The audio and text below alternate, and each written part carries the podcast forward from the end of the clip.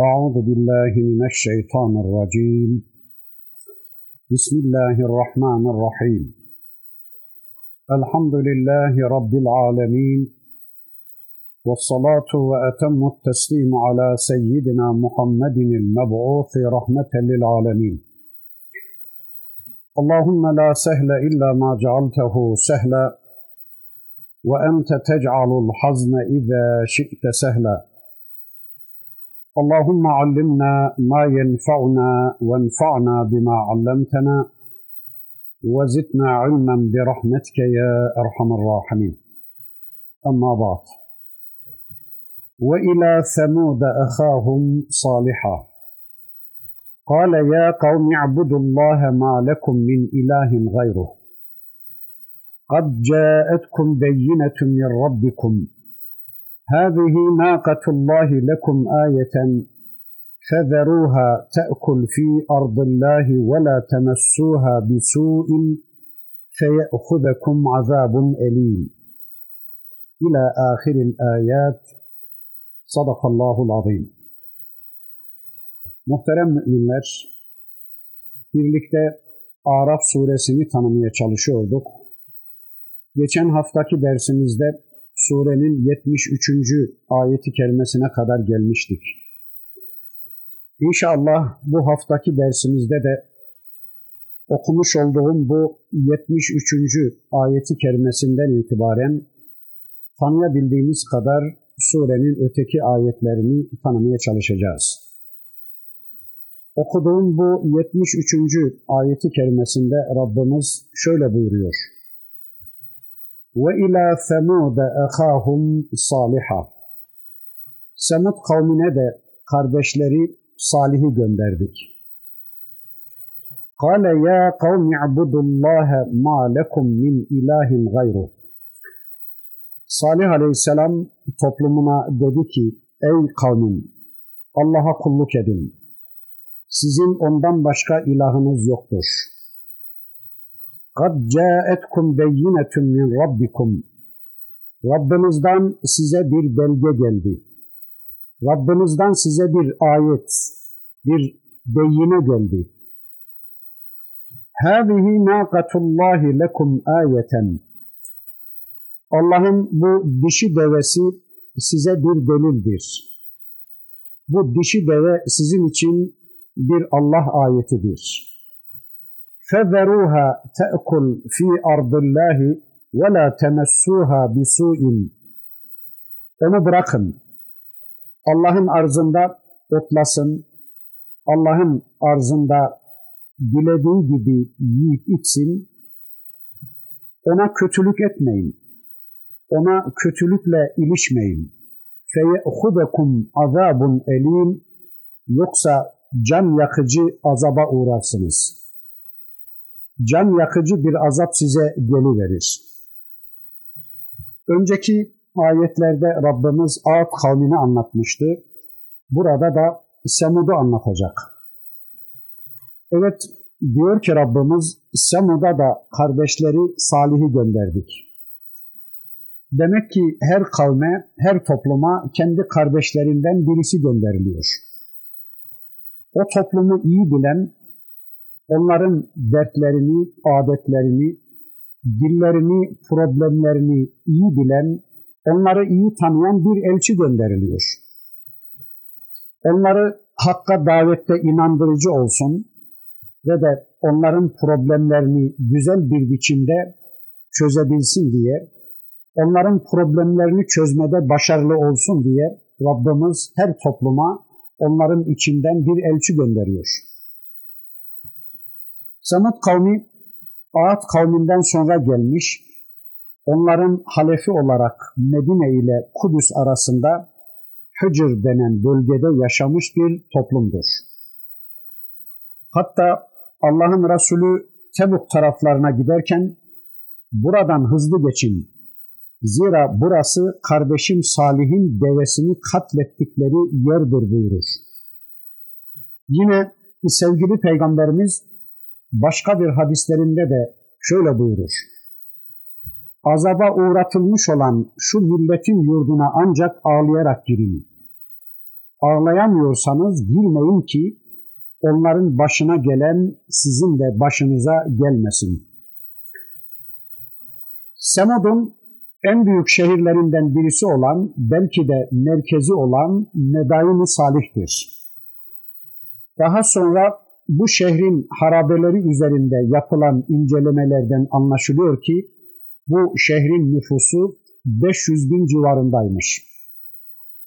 Bu toplum herhalde helak edilen üçüncü toplumdur. Kendilerinden önce sırasıyla Nuh kavmi, Ad kavmi helak edilmiş ve onların arkasından işte bu toplum geliyordu. Bakın Salih Aleyhisselam geldiği toplumuna diyor ki Kale ya kavmi abudullaha ma lekum min ilahin gayruh Ey kavmim sadece Allah'a kulluk edin. Sadece Allah'ı dinleyin. Sizin ondan başka ilahınız yoktur.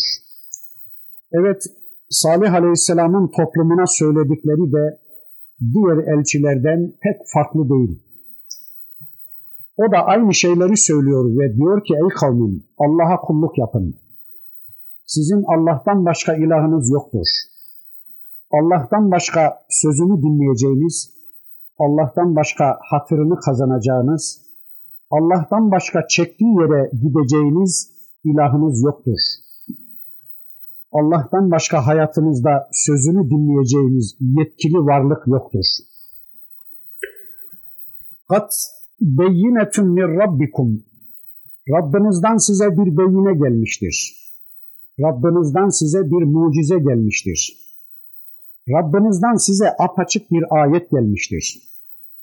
Yani sizin elçi olarak beni kabullenmeniz ve benim dediklerim istikametinde bir hayat yaşamanız konusunda Rabbinizin size bir tehdidi var. İşte Rabbinizden size böyle bir beyine, böyle bir mucize gelmiştir. İşte Rabbinizin varlığına ve benim elçiliğime bir delil gelmiştir.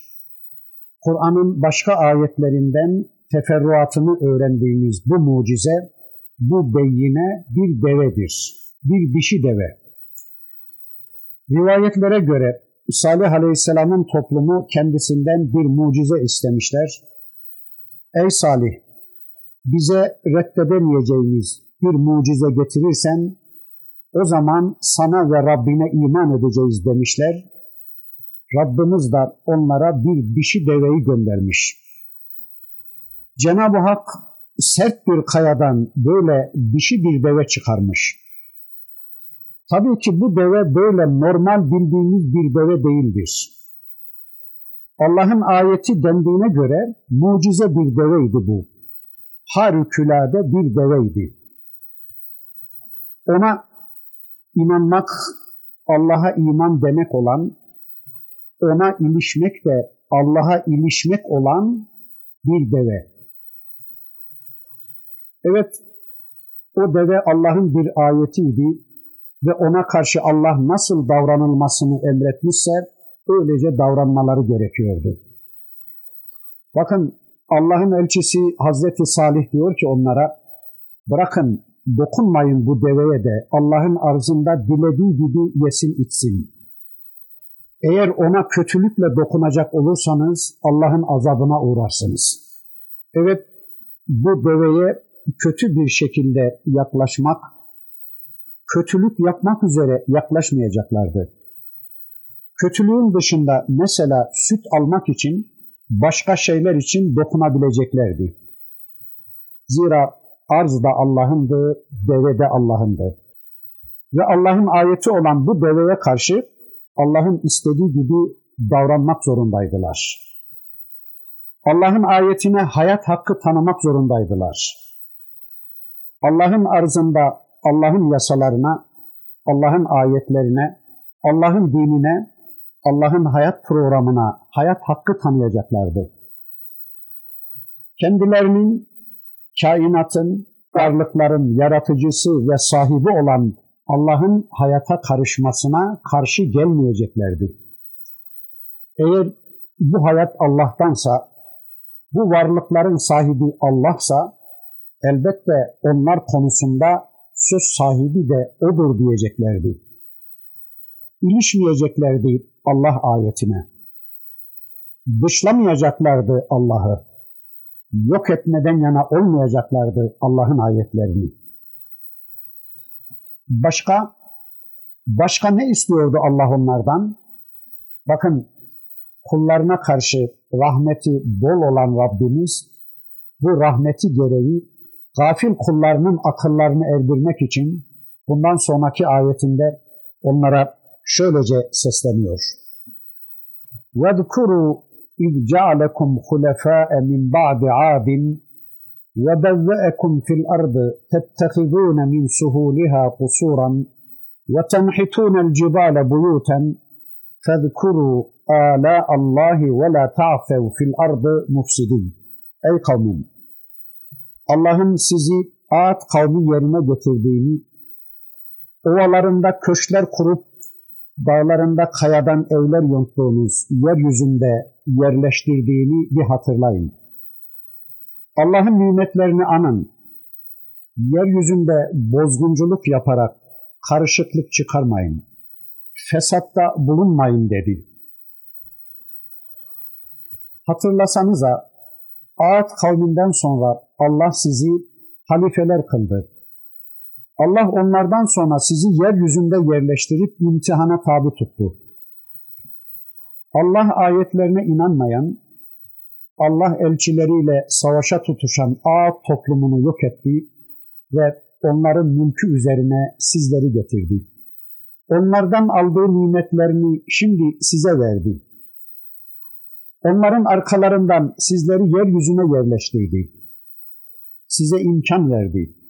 Coğrafya verdi. Yeryüzünde hükmetme yetkisi verdi. Sizleri yeryüzünde egemen kıldı. Dilediğiniz gibi yeryüzüne hükmedecek konuma getirdi sizi. Bu yetkiyi kimden aldınız? Kim verdi bütün bu nimetleri size? Bütün bunları Allah lütfetmedi mi size? Yeryüzünü size boyun büktüren Allah değil mi? Siz kendiniz mi yapıyorsunuz bunları? Yeryüzünün ovalarında köşkler kurup, dağlarında kayaları yontup evler, köşkler yapıyorsunuz. Ovalarda da köşkler yapıyorsunuz. Rivayetlere göre Semud kavmi kendilerinden öncekilerin rüzgar ve sarsıntıyla yok edildiklerini bildikleri için güya dağların üzerinde kayalardan mağaralar yontarak kendilerini Allah'tan gelebilecek muhtemel bir azaba karşı sağlama almaya çalışıyorlardı. Bakın Allah'ın elçisi diyor ki, bütün bunları size Allah'ın verdiğini hiç düşünmüyor musunuz? Sizden öncekilerin helak edildiklerini ne çabuk unuttunuz? yaşadığınız bu bölgede, bu köşklerin içinde kendinizi emniyette mi hissediyorsunuz? Evet, Semut kavmi dağ başlarında kayaları yontarak, kayaları, dağları yararak çok muhkem evler yapıyorlar. Hiç ölmeyeceklermiş gibi köşkler içinde yaşıyorlardı ve zannediyorlardı ki bu sağlam yapılar kendilerini her türlü tehlikelere karşı koruyacaktı. Bu sağlam yapılarına, muhkem evlerine, mülklerine, servetlerine, makamlarına ve medeniyetlerine güvenerek Allah'ın ayetleriyle, Allah'ın elçileriyle savaşa tutuşuyorlardı. Kendilerinden önce Allah'la mücadeleye tutuşanların gözlerinin önünde Allah karşısında nasıl mağlup olduklarını görmüşlerdi ama yine de ibret almıyorlar ve onların yolundan gitmeyi tercih ediyorlardı. Bu yüzden nerede yüksek yüksek binalar görsem ben Semud'u hatırlarım. Gözümün önünde hiç ölmeyecekmiş gibi plan program yapan Semud canlanır. Allah korusun da bugünün insanları da tıpkı Semud'un tavrını sergiliyorlar. Sanki ebedi kalma iddiasını sergileyen Allah'a da Allah'ın ayetlerine de Allah'ın peygamberinin sünnetine de ihtiyaçlarının olmadığını söylüyorlar. Adamlar öyle bir hayat yaşıyorlar ki hayatlarında ne kitap var ne sünnet. Sanki hiç ölmeyecekler. Sanki kıyamet hiç gelmeyecek ve saltanatları, düzenleri sanki hiç yıkılmayacak. Tüm günlerini, tüm zamanlarını ve mesailerini bunlara ayırarak gündemlerinden ahireti, hesabı, kitabı çıkararak işleri güçleri kasır ve büyük olan bu insanları görünce Semud'u hatırlamamak mümkün değildir. Evet, Allah'ın elçisi diyor ki, Allah'ın size verdiği bu nimetleri hatırlayın da yeryüzünde fesat çıkarmayın. Yeryüzünde Allah'ın koyduğu düzeni bozmayın. Allah'ın sizlere kulluk adına verdiği bu nimetleri sırf zevkleriniz istikametinde kullanacağınıza, ihtiyaçlarınız kadar hayatı kullanıp o arazileri, o imkanları Allah'a kulluk üzere kullansaydınız ya, her yerde Allah'a secdeyi gerçekleştirseydiniz ya, her yeri evlerle, köşklerle, saraylarla dolduracağınıza, her yeri Allah'a secde mahalli kılsaydınız ya, her yerde Allah'ın istediği gibi davranarak, Allah'a kulluğu gerçekleştirerek, halifelik hakkınızın devamını sağlasaydınız ya. Bakın Allah'ın elçisinin bu uyarısına karşılık o toplumun melesi şöyle diyordu. قال الملأ الذين استكبروا من قومه للذين استضعفوا لمن آمن منهم أتعلمون أن صالحا مرسل من ربه قالوا إنا بما أرسل به مؤمنون milletinin büyüklük taslayan ileri gelenleri mele grubu aralarından iman eden ve bu sebeple hor gördükleri kimselere yani gerçek müminlere Salih'in Rabbi tarafından gönderildiğini sahiden biliyor musunuz dediler. Onlar da doğrusu biz onunla gönderilene iman ediyoruz dediler. Evet, müstekbirler, kibirlenenler, Allah'a ve elçisine kafa tutanlar, mallarına, makamlarına, servetlerine, konumlarına, evlerine, köşklerine güvenerek Allah'a da, Allah'ın ayetlerine de, Allah'ın elçilerine de değer vermeyenler, devletin nimetlerinden en çok istifade eden, kan emen, toplumda peygamber mesajının hakim olmasıyla tüm menfaat hortumlarının kesileceğinden korkan ve mevcut düzenin yaşamasından yana olanlar, müstekbirler, mustazaflara, ezilenlere, horlananlara, ikinci, üçüncü sınıf vatandaş görülenlere, yani gerçek müminlere şöyle diyorlardı. اَتَعْلَمُونَ اَنَّ صَالِحًا مُرْسَلٌ مِنْ رَبِّهِ Yani şimdi sizler gerçekten Salih'in Rabbinden bir mürsel olduğunu, yani Allah tarafından gönderilmiş bir elçi olduğunu biliyor musunuz? Onun gerçekten bir peygamber olduğunu mu düşünüyorsunuz?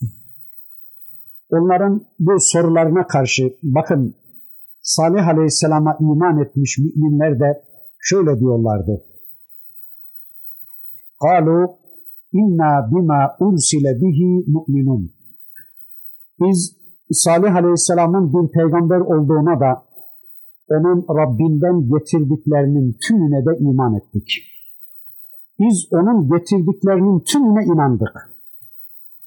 Dikkat ederseniz kafirlerin siz onun bir peygamber olduğunu biliyor musunuz? Belki de o sizi kandırmıştır şeklindeki sorularına karşılık müminlerin verdikleri cevap gerçekten çok manidardır. Kafirlerin sorularını düzelterek bakın diyorlar ki sadece bilmek yetmez. Biz sadece işi bilmekle bırakmadık. Biz bildiklerimizi imana dönüştürdük. Mücerret bilgi bir işe yaramaz ki iman için elbette iman edilecek şeyler bilinmeliydi. Bilinmeyen bir şeye iman söz konusu olamazdı. Ama bu bilgi hemen imana dönüşmeliydi. imana dönüşmeyen bilgi işe yaramazdı. Ve işte bakın diyorlar ki bilmek de ne demek? Bilmenin de ötesinde biz onun getirdiklerinin tümüne iman ettik. Allah'ın elçisinin Rabbinden getirdiklerinin hepsini kabul ettik. Onun Rabbinden getirdiklerinin tümü bizim başımızın üzerindedir dediler. Ve imanlarını kafirlerin yüzlerine haykırdılar. Bakın anlaşılan o ki Salih Aleyhisselam toplumunu Allah'a davet eder.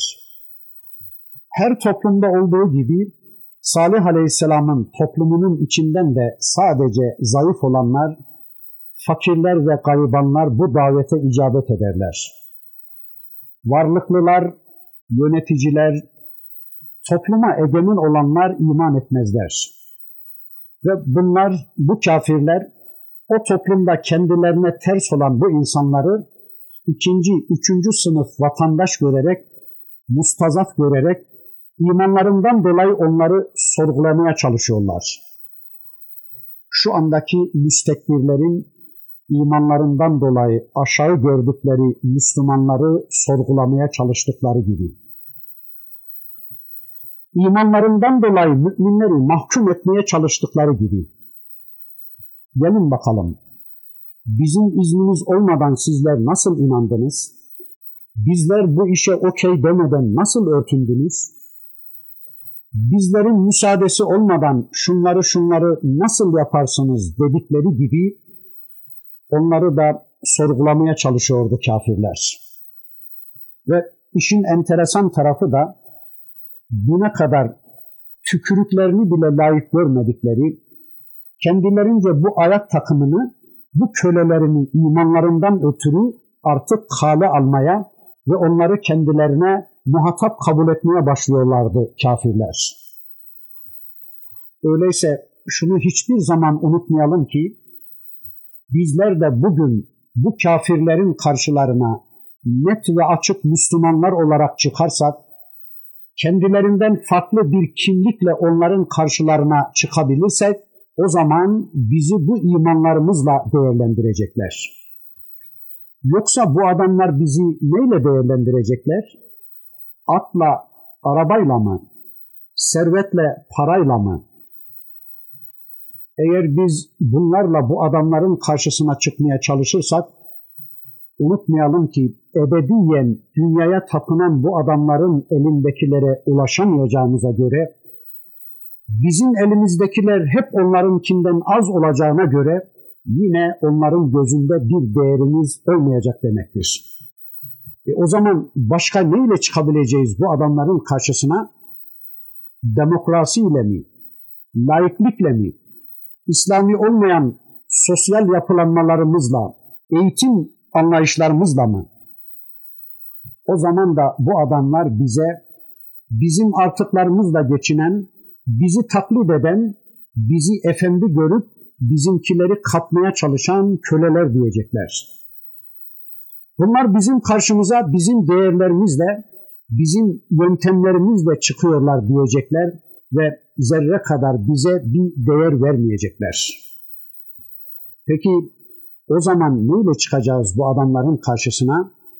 İmanla çıkacağız, Kur'an'la çıkacağız. Bunlardan farklı bir hayat anlayışıyla, bunlardan farklı bir kimlikle, Müslüman kimliğiyle çıkacağız. İşte o zaman bu adamlar bizi muhatap kabul edecekler. Başka çaresi yoktur bunun. Evet, müminler kafirlerin karşılarına Müslüman kimliğiyle dikilince bakın onlar ne dediler? قَالَ الَّذ۪ينَ اسْتَكْبَرُوا اِنَّا بِالَّذ۪ي آمَنْتُمْ بِهِ كَافِرُونَ Müstekbirler, büyüklük taslayanlar, sizin inandığınızı biz inkar ediyoruz dediler. Sizin inandığınızı biz reddediyoruz dediler. Evet, müstekbirler dediler ki biz de sizin inandıklarınızı inkar ettik. Biz de sizin mümini olduğunuz şeylerin kafiri olduk. Yani biz sizin inandıklarınızın doğruluğunu bilmiyoruz, bilemiyoruz demiyorlar da biz onların kafiriyiz diyor alçaklar. Aslında onlar da biliyorlar peygamberin hak olduğunu. Onlar da biliyorlar Salih Aleyhisselam'ın hak peygamber olduğunu ve bu devenin mucize bir deve olduğunu. Biliyorlar ama hayatlarının değişmesinden korktukları için, menfaatlerinin kesileceğini bildikleri için iman etmiyorlardı. Peygamberin mesajına iman ettikleri zaman hayatları değişecekti. Kan emmeye devam edemeyeceklerdi. Zulümlerini sürdüremeyeceklerdi de onun için iman etmiyorlardı. Sizin iman ettiğiniz şeylerin hiçbirisini kabul etmiyoruz diyerek şehirde inananlarla kafirler arasında çekişme oldu. Şehirde dokuz kişilik bir eşkıya grubu vardı. Kitabımızın bir başka suresi Tıs'atu Rahtın diye bu konuyu anlatır. Bu eşkıya grubunun içinden en şakileri ileri atılıp deveyi biçiverdi. Bakın 77. ayeti kerimesinde de Rabbimiz o konuyu şöylece anlatıyor. فَعَقَرُوا النَّاقَةَ وَعَتَوْا عَنْ اَمْرِ رَبِّهِمْ وَقَالُوا يَا صَالِحُ اُتِنَا بِمَا تَعِدُنَا اِنْ كُنْتَ مِنَ الْمُرْسَلِينَ ve dişi deveyi kesip devirdiler. Dişi deveyi öldürdüler. Rablerinin buyruğuna baş kaldırdılar. Ey Salih! Eğer sen gerçekten peygambersen bizi tehdit ettiğin azaba uğrat bakalım. Şu bizi tehdit edip durduğun azabı bize bir getir bakalım dediler. Evet Allah'ın ayetini deveyi biçtiler. Tabi büyük bir deve olduğu için ayaklarından biçip öldürdüler. Bu devenin bir özelliği vardı. Bir gün toplum kuyulardan su içmeyecek ve sadece bu deve içecek ve ikinci gün de içtiği bu suyu süt olarak kavme ikram edecek ve tüm kavmi doyuracaktı. Medain Salih'in 500 bin civarında nüfusu olan bir şehir olduğunu düşünürsek bir tek deve 500 bin insanı sütle doyuracaktı. Gerçekten büyük bir mucizeydi bu deve. Gerçekten de toplum için mahsa hayırdı, hayırlıydı, bereketliydi bu deve. Ama kafirler Allah'ın bu ayetine tahammül edemediler. Allah'ın ayetini ortadan kaldırmaya yöneldiler. Allah'ın yasasını ortadan kaldırmaya yöneldiler. Allah'ın arzında Allah'a hayat hakkı tanımadılar. Allah'ın ayetine hayat hakkı tanımadılar ve kendileri için mahza hayır olan, tek suçu kendilerine süt verip onları beslemek olan bu deveyi ayaklarından biçerek öldürüverdiler. Böyle bir Allah ayetini öldürerek, bir ayetin görüntüsüne son vererek rahata kavuşmayı hedeflediler. Ben günümüz Müslümanlarını Salih Aleyhisselam'ın devesine benzetirim. Şu andaki Müslümanların yeryüzünde varlıkları da insanlık için mahsa hayırdır. Bugün Müslümanların bir tek suçu var.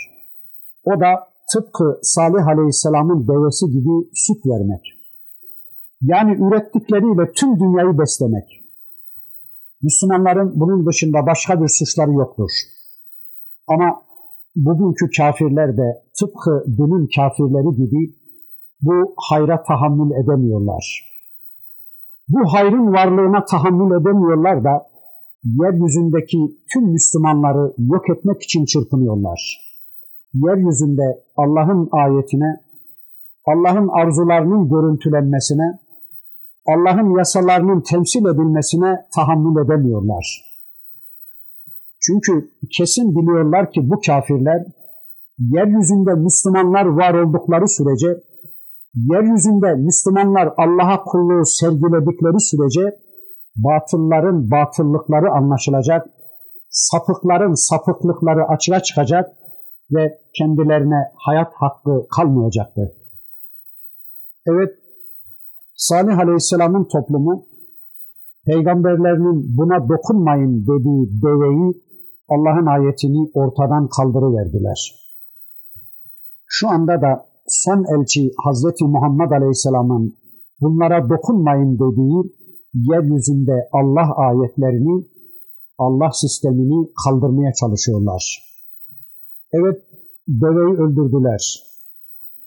Peki acaba niye öldürmüşlerdi bu deveyi? Çünkü bu deve Allah'ın ayetiydi ve karşılıksız süt veriyordu topluma.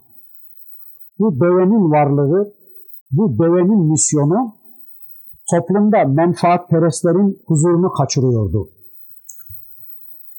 Karşılıksız bir şey yapmayı bilmeyenlerin pisliğini açığa çıkarıyordu bu deve. Peygamber de böyleydi.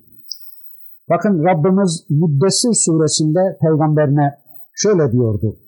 وَلَا تَمْنُنْ تَسْتَكْثِرْ Ey peygamber yaptığın iyiliği çok görerek başa kalkma.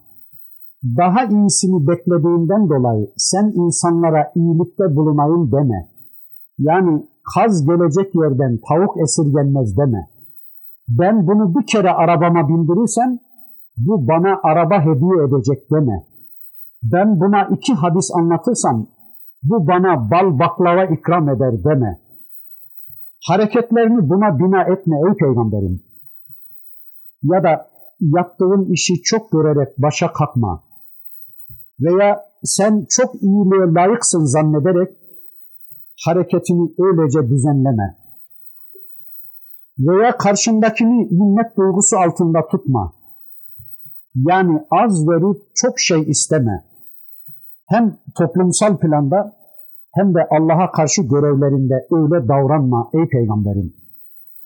Mesela namazımızı kılıyoruz, abdestimizi alıyoruz. Elbette Allah bizi cennete koyacaktır değil mi diyerek az yaptığın kulluğun karşılığında tam kulluğun gereği olan cenneti bekleme. Bir böyle bir de sosyal ilişkiler içinde karşındakine iki ayet anlattım diye iki çay ikram etmesini bekleme. Ya da aferin demesini bekleme. Veya tebliğ ettim, duyurdum diye hemen karşındakinin hayatının değişmesini bekleme. İşte Allah peygamberinden bunu bekliyordu. Şimdi böyle bir peygamberin varlığına kafirler, toplumda menfaatlerini birinci planda tutan zalimler tahammül edebilirler mi? Yani devletse tebaasını, talebe ise hocasını, hoca ise talebesini, müdürse okulunu ve talebelerini, satıcıysa müşterilerini, müşteri ise satıcıyı düşünen birisini gördüklerinde elbette zalimlerin iştahı kaçacaktır. Kafirler bu tipte bir tek adamın varlığına bile tahammül edemezler. Onu yok etmek için ellerinden gelen her şey yaparlar. Kendilerinin yanlışlığını ortaya koyan kıstası yok etmek için yapamayacakları yoktur bu kafirlerin.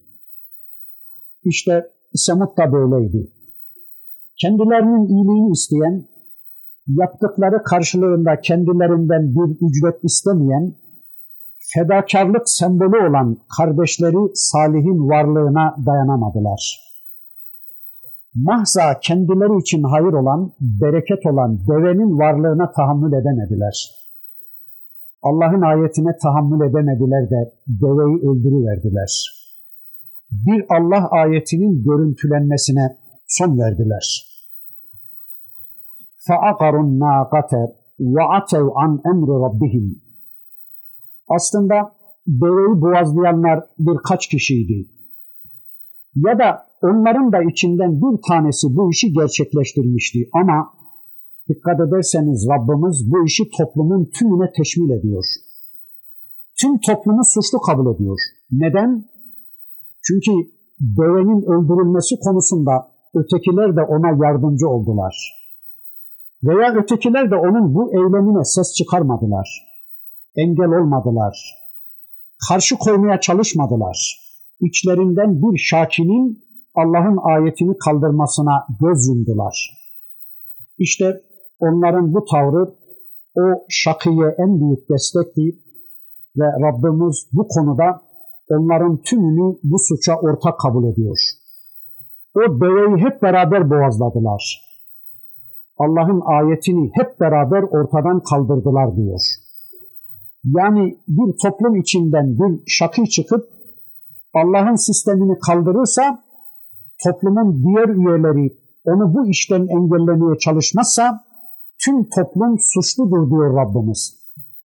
Evet, toplum içinde şirke, toplum içinde ahlaksızlığa, toplum içinde İslam dışı uygulamalara ses çıkarmayan herkes ondan sorumludur. Münker karşısında eli kolu bağlı bekleyen, onu engellemeyen herkes o münkerden sorumludur. Evet, deveyi öldürdüler. Sonra da küstahlıkları içinde bakın dediler ki وَقَالُوا يَا صَالِحُ اُتِنَا بِمَا تَعِدُنَا اِنْ كُنْتَ مِنَ الْمُرْسَلِينَ Allah'ın elçisine meydan okuyarak dediler ki ey Salih biz yapacağımızı yaptık. Haydi sen de bize vaat ettiğin o azabı getir de görelim. Ey Salih gerçekten sen bir peygambersen haydi ne getireceksen getir de görelim dediler. Hakikaten Allah'a ve onun elçisine kafa tutmada çok ileri gittiler. Çünkü Salih Aleyhisselam'a meydan okumaları demek, Allah'a meydan okumaları demekti. Yani ayetin ifadesinden de anlıyoruz ki aslında bu adamlar Allah'ın azabını hak ettiklerini, Allah'ın azabının mutlaka kendilerine geleceğini bildiler de yine de kuyruğu dik tutmaya çalıştılar. Yani onu öldürünce aslında rahatları kaçtı. Çünkü önceki toplumlara Allah'ın yaptıklarını bildikleri için artık kesinlikle kendilerine Allah'ın azabının geleceğini anladılar. Rivayetlere göre bu deveyi öldürmelerinden sonra Rabbimiz onlara üç gün müddet tanıdı.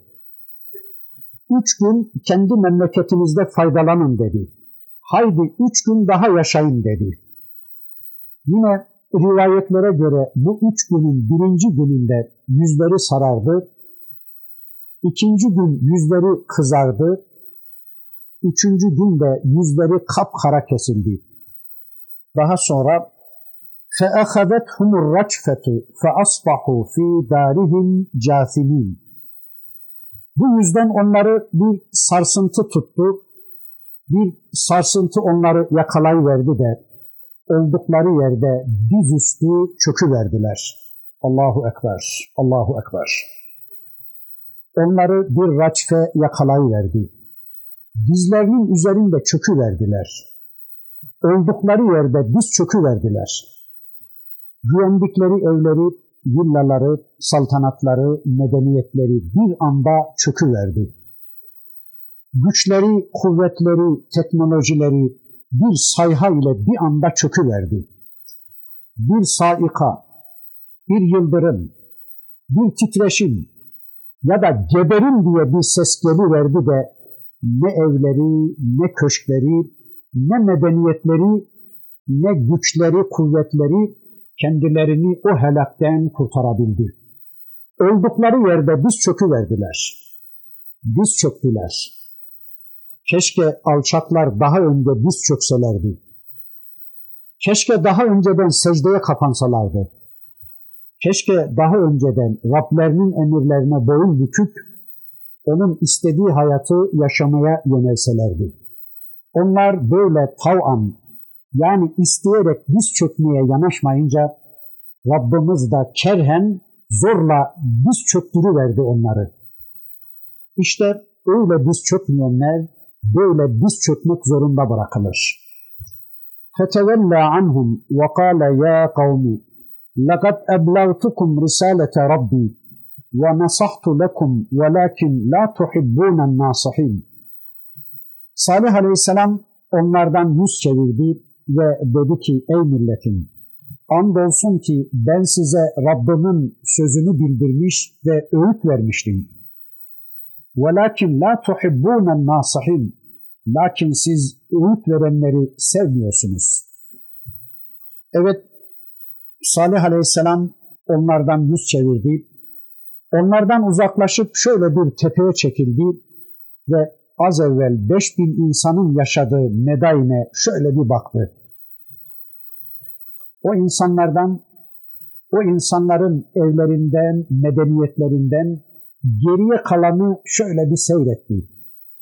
Hiçbir şey kalmamıştı geriye. Baktı ve dedi ki ey kavmim, andolsun ki ben size Rabbimin risaletini tebliğ ettim. Rabbimin bana gönderdiklerini ben size tas tamam ulaştırdım. Bu konuda en küçük bir mazeret gösteremeyeceğiniz biçimde size hakkı duyurdum. Ben bana düşenlerin tamamını yaptım ve ben size nasihat ettim. Sizin cennetiniz için ve cehennemden korunmanız için ben size nasihatçı davrandım. Yani size son derece samimi davrandım. Sizden hiçbir ücret istemedim. Sizden hiçbir beklentim olmadı ve sizin bana yaptığınız işkenceler ve yalanlamalarınız karşısında bıkıp usanıp ya da size kızıp darılıp da sizin cehenneminize göz yummaya kalkmadım. Şahsi meseleleri ön plana çıkarmadım Şahsıma yaptığınız uygunsuz davranışları ön plana çıkarmadım. Sadece sizin için iyilik düşündüm ama وَلَكِنْ لَا تُحِبُّونَ النَّاصِحِينَ Lakin siz nasihatçileri sevmiyorsunuz. Siz sadece sizin iyiliğinizi düşünen, sizi ezmeyi, sizi kullanmayı, size zulmetmeyi istemeyen ve sadece sizin cennetiniz ve mutluluğunuz için çırpınanları sevmiyorsunuz. Siz nasihati ve nasihatçıyı sevmiyorsunuz. Siz böyle sırf sizin iyiliğinizi isteyen insanları sevmiyorsunuz. Siz her an sırtınıza binecek, her dakika sizi ezecek, sizi kullanacak birilerinden hoşlanıyorsunuz. Bu tip zorbalar karşısında ancak hizaya geliyorsunuz. Bir peygamberden değil, zalim bir idareciden hoşlanıyorsunuz. Sizi seven, size değer veren ve sizin için, sizin kurtuluşunuz için her türlü fedakarlığa katlanan bir elçiyi kale almıyorsunuz da sizi ezenlerin karşısında ceket ilikliyorsunuz. Siz sizden çok sizi düşünen birisini değil de sizi her an ezen birilerinden hoşlanıyorsunuz. Ve işte böyle bir tutumun sonucunda da Allah'ın azabını hak ettiniz. Gerçekten sevinmedi Hazreti Salih Aleyhisselam. Kavminin başına gelenlere üzüldü. Zavallılar, ben size dememiş miydim? Ben sizi uyarmamış mıydım? Ben size anlatmamış mıydım diyerek üzüntüsünü dile getiriyordu. İşte Rabbimiz bu ayetlerinde onu anlatıyordu. Evet, bir toplum daha tarih sahnesinden siliniyordu. Bir toplum daha Rablerine isyanlarının cezasını çekerken o toplum içinde üstlendikleri rollerinden dolayı Allah elçisi ve beraberinde inananlar kurtuluyor ve Rablerinin vaadine kadar yaşıyorlar. Sonra Rabbimiz bir başka toplumu daha anlatmaya başlıyor. Lut aleyhisselamı ve onun toplumunu anlatmaya başlıyor. وَلُوتًا اِذْ قَالَ لِقَوْمِهِ اَتَأْتُونَ الْفَاحِشَةَ مَا سَبَقَكُمْ بِهَا مِنْ اَحَدٍ مِنَ الْعَالَمِينَ Lut'u da kavmine, milletine gönderdik. Lut aleyhisselam dedi ki, ey kavmim, dünyalarda hiç kimsenin sizden önce yapmadığı bir hayasızlığı mı yapıyorsunuz? Lut aleyhisselam, İbrahim aleyhisselamın yeğenidir. İbrahim aleyhisselam kavmiyle, toplumuyla, devletiyle verdiği onurlu mücadelesinden ve sonunda ateşe atılmasından sonra yeğeni Lut aleyhisselamla beraber ülkesinden hicret etmiş. İbrahim aleyhisselam Filistin bölgesine yani Beyt-i Makdis civarına Lut aleyhisselam da Ürdün'e Sodom ve Gomorre kentlerinin bulunduğu bölgeye yerleşmiştir. Kudüs ile Amman arasında bir bölgedir burası. Lut aleyhisselamın toplumunun bir büyük hastalığı vardı. Yeryüzünde hiçbir kavmin yapmadığı korkunç bir hastalık. Homoseksüellik. Erkeğin erkeklere gitmesi. Bakın diyor ki Hazreti Lut aleyhisselam, ey kavmim sizler fahişeye mi gidiyorsunuz? Aşırılığa, fahşeye mi gidiyorsunuz? Dünyalarda sizden önce hiçbir kavimde görülmemiş, hiç kimsenin yapmadığı bir hayasızlığı mı yapmak istiyorsunuz? Veya buradaki alemin ifadesinden maksat, insanların dışında hayvanlar aleminde bile benzeri görülmemiş çok çirkin bir şeyi mi yapmaya gidiyorsunuz? İnnekum lete'tûne ricale şehveten min dûnin nisa bel entum kavmun müslifun. Siz kadınları bırakıp şehvetle erkeklere yaklaşıyorsunuz. Doğrusu çok aşırı giden bir milletsiniz dedi. Hayvanların bile yapmadığı, yapamadığı bu fıtrat bozukluğuyla kadınlar dururken erkeklere mi gidiyorsunuz? Evet, bakın diyor ki Allah'ın elçisi, ey kavmim, hayvanların bile yapmadığı, hayvanların bile yapamadığı bu fıtrat bozukluğuyla kadınlar dururken erkeklere mi gidiyorsunuz? Hem de bir yanlışlık sonucu, bir hata sonucu da değil, üstelik şehvetle gidiyorsunuz öyle mi? Hayır hayır, sizler haddi aşan bir toplumsunuz. Sizler müslif bir toplumsunuz. Yani böyle sere serpe, keyfine göre, zevkine göre yaşamak isteyen, hiçbir sınır tanımayan, Allah tanımayan bir toplumsunuz. Çünkü hayatın sınırını koyan Allah'tır. Sınır tanımayanlar da Allah tanımayanlardır. Bakın Allah'ın müslifler olarak vasfettiği bu kavim ahlaksızlıkta o kadar ileri gitmişlerdi ki toplumun içinde herkesin gözleri önünde bu ahlaksızlığı işliyorlardı. Ahlaksızlığı doruk noktada sergileyen, peygambere kafa tutmayı doruk noktada yasallaştırmış bir toplum. Ahlaksızlığı en zirvede temsil eden kavim Hazreti Lut Aleyhisselam'ın kavmidir. Hatta insan suretinde kavmi yok etmek için Allah'ın melekleri Hazreti Lut Aleyhisselam'a geldikleri zaman karısı bu ahlaksızlara haber vermişti. Lut'un evine çok yakışıklı delikanlılar geldi. Eğer onlardan istifade etmek isterseniz haydi buyurun diye eve bu ahlaksızları davet etmişti. Ahlaksız toplum da Lut Aleyhisselam'ın evini muhasara ettiler. Ey Lut, biliyoruz ki senin evinde yakışıklı gençler var. Onları bize teslim etmezsen sana şöyle şöyle yapacağız diyerek Allah'ın elçisini tehdit ettiler.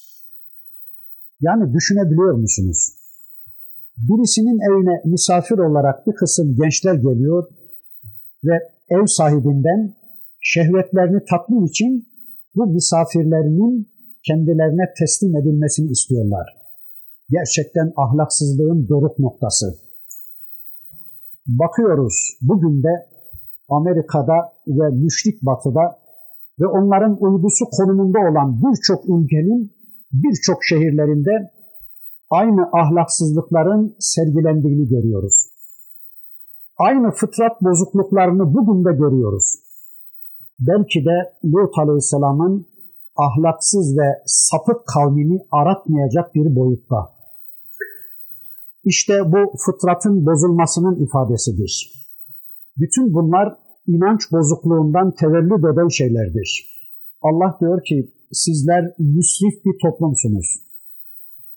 Sizler hakkı aşan, Allah'ın sınırlarını tanımayıp çiğneyen, Rabbinizin size vermiş olduğu nimetleri kötü yerde kullanan, fıtratı kötüye kullanan insanlarsınız. Allah onlara bir güç vermişti. Onlara cinsel bir potansiyel vermişti. Halbuki onlar Allah'ın kendilerine verdiği bu güç sayesinde nesillerini devam ettireceklerdi. Beşeriyetin devamını sağlayacaklardı. Erkekse kadına, kadınsa erkeğe gidecekler ve Allah'ın kendilerine gösterdiği yollardan bu arzularını tatmin edeceklerdi. Oysa ki bu ahlaksız toplum Allah'ın kendilerine lütfettiği bu gücü, bu enerjiyi gerekli yerde kullanmayarak israf ediyorlardı.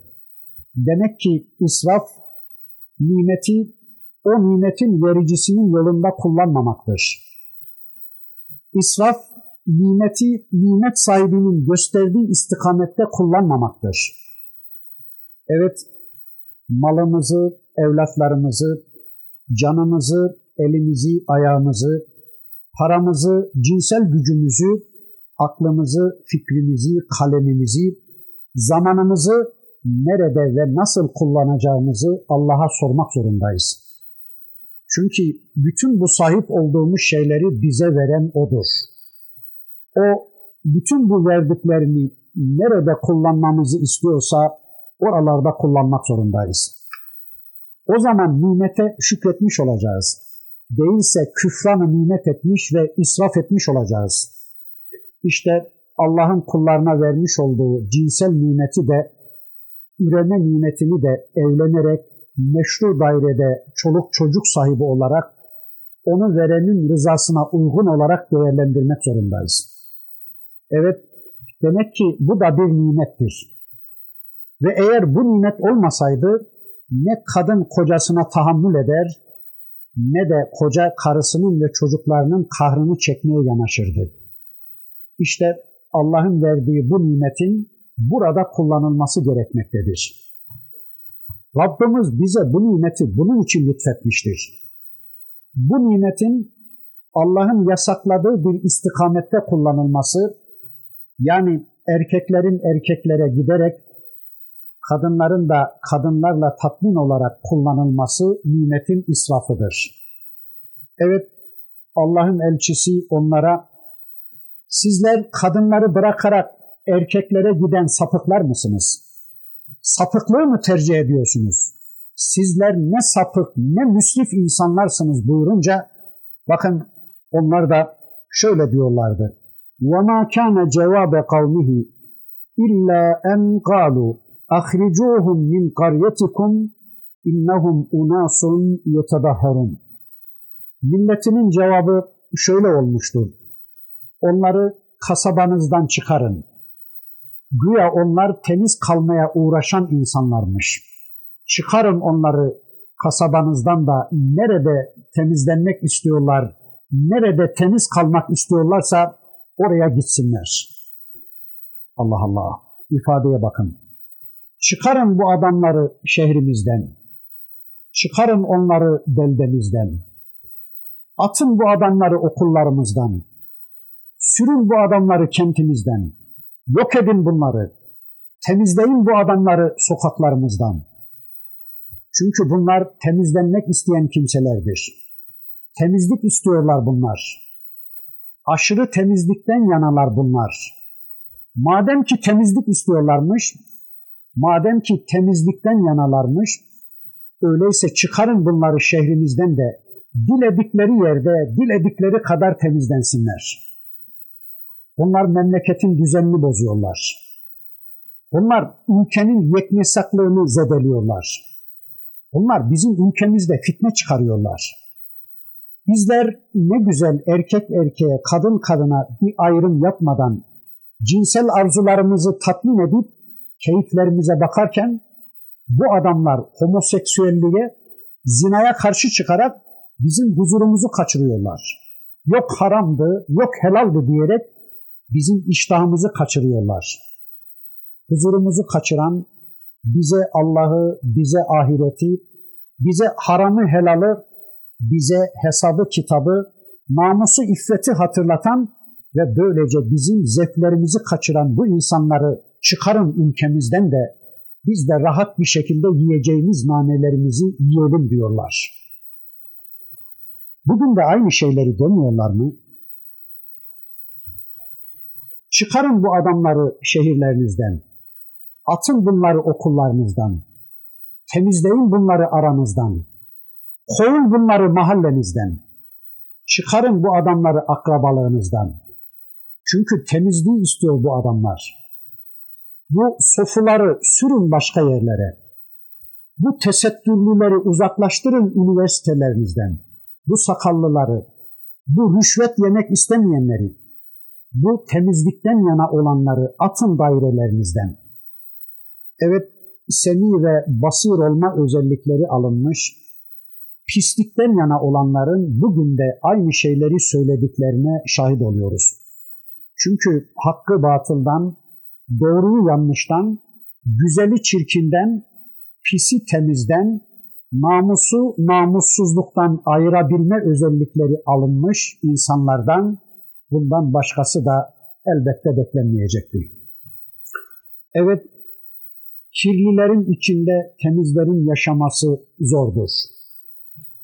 Pislerin içinde az da olsa temizlerin varlığı, pislerin pisliklerini açığa çıkardığı için pisler kesinlikle onların varlığına tahammül edemezler.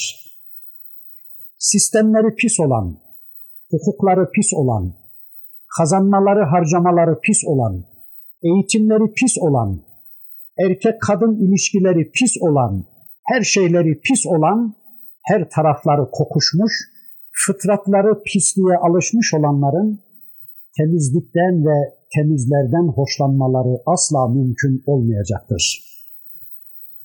Sonuç ne olmuş? Bundan sonraki ayetlerinde Rabbimiz sonucu anlatacak bu toplumun nasıl helak yasasının mahkumu olduğunu anlatacak ama vaktimiz doldu. İnşallah burada kalalım. Surenin bundan sonraki ayetlerini tanımak için önümüzdeki hafta tekrar bir araya gelmek üzere Allah'a emanet olun. Subhaneke Allahümme ve bihamdik. Eşhedü en la ilahe illa ente estağfiruke ve etubu ileyk. والحمد لله رب العالمين.